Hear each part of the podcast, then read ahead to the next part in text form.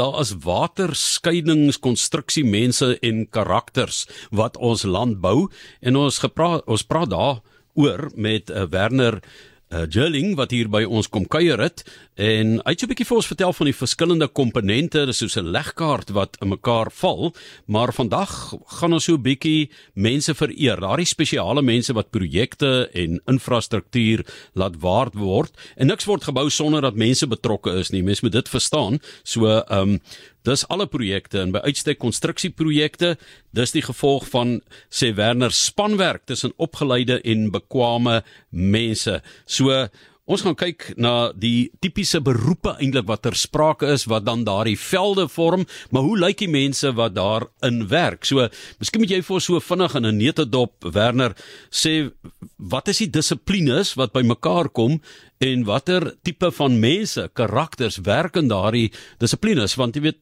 een ou wil mos nou graag mooi teken die planne en 'n ander ou sê gee vir my die baksteen in hand en ek sal hom vir jou plaas daar. So dit moet opwindend wees om tussen hierdie verskillende karakters te kan werk en die land so te kan bou.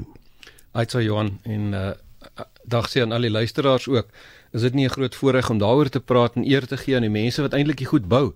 Weet ons praat so altyd van die projekte en almal kyk na die brûe en ons vergeet baie gerieflik van die hande wat dit aan mekaar geslaan het en die reuse spanne daarbey betrokke. Weet jy ek ek ek, ek wonder of mens ooit genoeg eer aan daai ouens kan gee aan die mans en dames wat betrokke is by sulke projekte. Jy weet ons praat nie net van mense wat wat die tekeninge doen en ons praat baie oor siviele ingenieurs en die ouens wat betrokke is, maar eintlik is die span veel veel groter. Hulle kom so in drie groot groepe voor. Die eerste groep is die ontwerp en die raadgewende dienste, die mense wat die planne uitdink en vir ons tekeninge maak en die kontrakte opstel. Dan praat ons oor die tegniese kundiges, die ouens wat werklik op die terrein werk en 'n hele groep ondersteuningsdienste en ondersteuningsmense rondom hulle. Die konstruksiebedryf het regtig 'n tuiste vir almal en daar werk ons met mense wat wat werklik goed is met hulle hande en dan gaan ons al die pad deur tot mense wat goed is met hulle kop en kan planne beraam en hulle moet saamwerk. Ek ek sê baie keer is nie anderste as uh, wat ons nie in in in 'n oorlog by of in in 'n weermag sou sien waar mense moet saamwerk om 'n gemeenskaplike doel te bereik en dis natuurlik ons projek. Hulle dra alkeen hulle eie kundigheid by. Ons kry saam swaar en ons gaan saam deur moeilike tye, weet, nat reën, buite op die terreine moeilikheid en uh jy weet daar gaan baie keer dinge verkeerd nadat ons planne maak. En ons bou dan saam daaraan. Ons ontvaar hy ervaar hy ontberinge saam en as die einde van die dag as die projek klaar is, dan deel ons die sukses en almal deel daai sukses en is dit nie 'n wonderlike gevoel nie, nê? Ja, so jy sê as basies drie hoofdissiplines, nê, waarbinne die dinge gebeur. Dis reg, so dis hoe ek hulle maar vir myself uitmekaar gestel het. Die eerste is die, is die ontwerptipe werk en daar werk siviele ingenieurs, mense soos landmeters, stads- en streeksbeplanners, bestekopnemers, konstruksieprojekbestuurders, finansiële mense wat modellering doen en vir ons die finansies soek. Ehm um, gespesialiseerde regskennis, weet konstruksiekontrakreg is nogal baie gespesialiseerd mense so omgewingsdeskundiges en mense kan eintlik 'n baie lang lys daarvan maak. Weet jy as mense in ag neem dat konstruksie moontlik die tweede of derde grootste bydraer tot 'n bruto binnelandse produk behoort te wees, kan jy jou voorstel hoeveel mense werk in daai beboude omgewing? En uh daar's baie min van ons wat nie 'n oom of 'n uh, iemand het wat ons wat in konstruksie werk of in die bouwêreld werk. En dit vir ons baie na in die hart. En en dis die ouens wat ons werklik sien, daai tegniese mense, ouens wat soos 'n projekdirekteur of 'n terreinagent, 'n projekleier op die projek of terreiningenieurs en dan en dan die belangrike ouens, nou, hulle is maar soos die RSM's in die in die in die generaals op die terrein is is daai algemene voormanne en en konstruksievoormanne wat elkeen spesialiste is in of bouwerk en glybeton, marinewerk, padbou, konstruksie ensovoorts. En dan kyk ons na ons wat konstruksiemasjienoperateurs is. Weet jy, ehm um, toe ek jonk in konstruksie begin het, het dit my ab, ek kon my vergaap aan hierdie ouens wat die konstruksiemasjinerie bedryf. Ou het 'n graafmasjien werk en hy laat daai graafmasjien lyk asof dit die punt van sy arm is soos hy die grond wegskep. Of 'n 'n ou wat 'n padskraper bestuur. Ons het altyd gesê die ouens wat die finale vlak op 'n pad kan sny. Dit is die toppunt van ervaring en behendigheid. Daar was altyd gesê, nou die luisteraars wat onthou 'n klein ou 5 sent stuk was, 'n 5 sent munt. Hulle het altyd gesê as hy finale vlak op die pad klaar gesny het daai padskraper operateur, daai ekspert gekom en dan het hy daai 5 sent van die pad afgesny met sy lem sonder dat hy grond daarmee saam beweeg. Dis hoe goed hulle was. Ek onthou van daai padskraper operateurs het in die oggende werk toe gekom met 'n baie duur kar met sy Mercedes om onder 'n boom parkeer is dan met 'n seil toegemaak en dan het hy in sy padskraper geklim en hy het die hele konstruksieproses gelei. 'n Pad loop nie as die skraper in die sleutel toerusting elemente nie voor hom uitloop nie. Maar daar was eers die tikkie tyd, né, voor dit nog 'n 5 sent was. so. Ja, kyk, die, die tikkie tyd in die in die in die ou mylkarre en die goed het seker saamgewerk, maar ek twyfel of die padskrapers toe al so slim was, maar vandag ja. is hulle wonderlike instrumente. Ja, so ehm um, dit is 'n dis 'n natuurlike 'n uh, uh, omgewing waar vaardighede uh, enerzijds weens die tegnologie, maar ook anderzijds die mens wat self daardie vaardighede moet inspann. Iemand moet nog die werk doen. Jy weet mense vergeet, jy kan nie net masjiene instuur nie. Dis nie robotte wat bou nie, dis mense. Absoluut. En daai fantastiese handvaardighede word baie keer van generasie tot generasie oorgedra. Weet jy in ons onderneming het dit so gekom dat daar eintlik 'n hele familie um, baie vaardige konstruksiemense uit Woopertal uitgekom het, die koopmans. En hulle het goed gedoen soos vir ons 'n uh, 'n uh, randstene geleen om 'n ou te sien wat weet om dit te doen.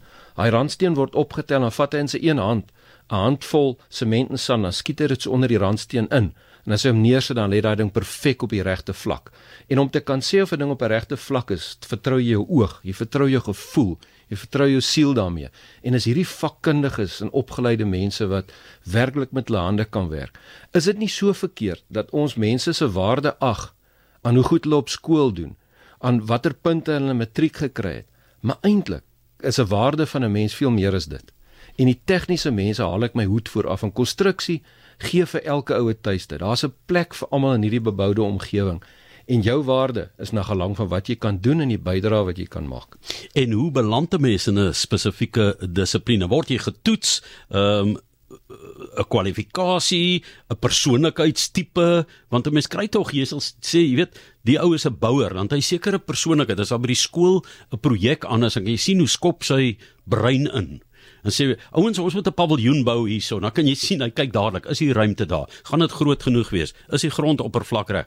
Jy skop in. 'n Argitek sal dink, "Jo, kyk daar agter die berg as ons daai helling daar gebruik dan kan ons hierdie pragtige uitsig behou oor die berg. Byvoorbeeld, jy weet maar, dat jy moet ook 500 kinders kan inkom en uh, jy weet kan kom oefen vir hulle intervarsity of hulle interskole.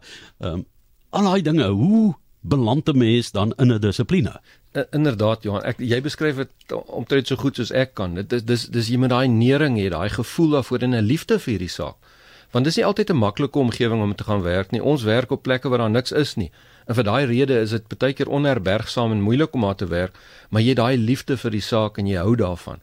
Ehm um, natuurlik, 'n mens moet goed in wiskunde en wetenskap wees as jy as jy die die berekeninge en die somme daar agter wil doen.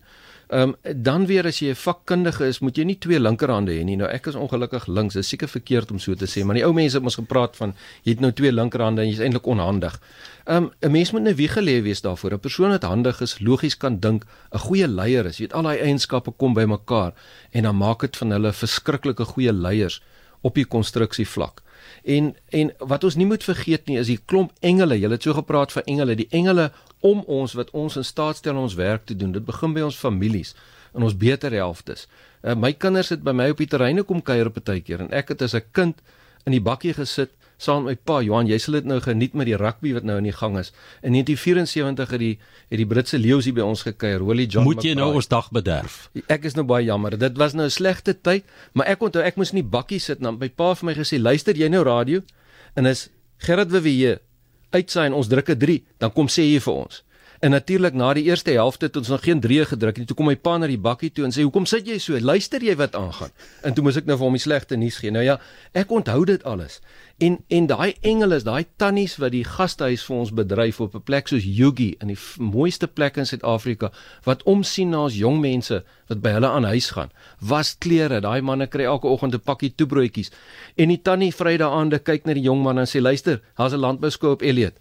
Laat julle hier uit en sy bel 'n paar boere en sê hier's 'n klomp jong manne wat moet gaan saamgaan. Jy weet daai tipe van gemeenskap, daai tipe van inskakeling en en en dit is wat die konstruksielewe vir ons daar buite op terreine spesiaal maak. Ja, wanneer mense was baie op pad gewees wanneer daar paaie gebou word, jy's weg van die huis af vir dae lank, maande lank soms, né? En dan is dit jong mense, hulle het baie energie en dan is dit die gemeenskappe wat hulle absorbeer, hulle maak vir hulle musiek kom eet hier by die hotel, daai tipe van dinge. So ook 'n baie uh, lekker subkultuur rondom die bou van 'n land. Ons het nou gesels en jy het oor die verskillende dissiplines gepraat en so tyd is nou byna verstreke. Maar ehm, 'n um, laaste een of twee wat jy nog wil uitsonder? Ja, ek ek ek dink net ook ehm um, dit gaan maar spesifiek oor daai mense wat daar buitekant vir ons is. Ehm um, en en wat die wat die lewe spesiaal maak. Ek onthou 'n ou meneer van Tokkie, hy was een van ons hoofterreinbestuurders se se se man wat tee gemaak het, die kantore skoon gemaak het, maar die spesifieke terreinbestuurder het geweier om na 'n nuwe projek toe te gaan sonder 'n tokkie saam te omgaan. Hulle was hulle was aan die heup verbind geweest. En tokkie was 'n verskriklike tergees geweest. As jy op die site gekom het of op die bouterrein, dan hy maak nie saak wie dit is nie. Maak nie saak of jy die die die die hoof van Anglo American was of wat ook al. Hy het jou met die hand kom groet en dan het hy jou hand op 'n sekere manier gekielie en dan het hy verskriklik gelag om jou geskokte uitdrukking te sien. En almal het hy het so bekend geword, maar op daai terrein het almal gelag en almal het gegrimlag en almal het saamgewerk, maak nie saak hoe moeilik dit is nie. En en ek gee graag ere aan aan daai mense wat ons lewe vir ons spesiaal maak. Daai tannies in ons rekeninge kantore, die werktuigkundiges in die in die in die werkswinkel wat in die nagte as ons toerusting gebreek is, deernag werk om hy toerusting in die gang te kry. Die aankopers, wonderlike mense soos Kobus van Eden en die ouens wat wat my so gedra het op terrein as ek tekortkomme materiaal aan maak hulle die hemel en aarde versit hulle om hy toerusting vir ons op terrein te kry. Baie dankie aan almal van julle en ons liggie hoed Ons lig die harde hoed vir elkeen van julle wat ons help en wat saamwerk om ons land so spesiaal te bou. Nou wonder die mense, wie's Werner Jurling en wat doen hy? So sê gou vir die mense. Watter dissipline is jy in? Johan, ek ek ek is eh, ek ek werk vir konstruksiemaatskappy, ek werk vir Asla. Ek is 'n siviele ingenieur, nog my hele lewe in konstruksie betrokke en ek is mal daaroor om projekte te bou en om mense se drome waar te maak. Baie dankie dat jy kom inloer het en eh, ek dink kom praat oor die grootste BBP bydraer in ons land en dit is die konstruksiebedryf in die geheel van paaie tot geboue, al die dinge wat daar gedoen word. Ongelooflik. En sterkte vir julle hier in die warm dae. Ek weet almal is nou op julle. Vir al die mense wat wil hê hulle bouprojekte moet nou klaar wees voor die einde van die jaar. Ek weet dit is nag daar in julle dissipline. Sterkte daarvoor. Baie dankie Johan.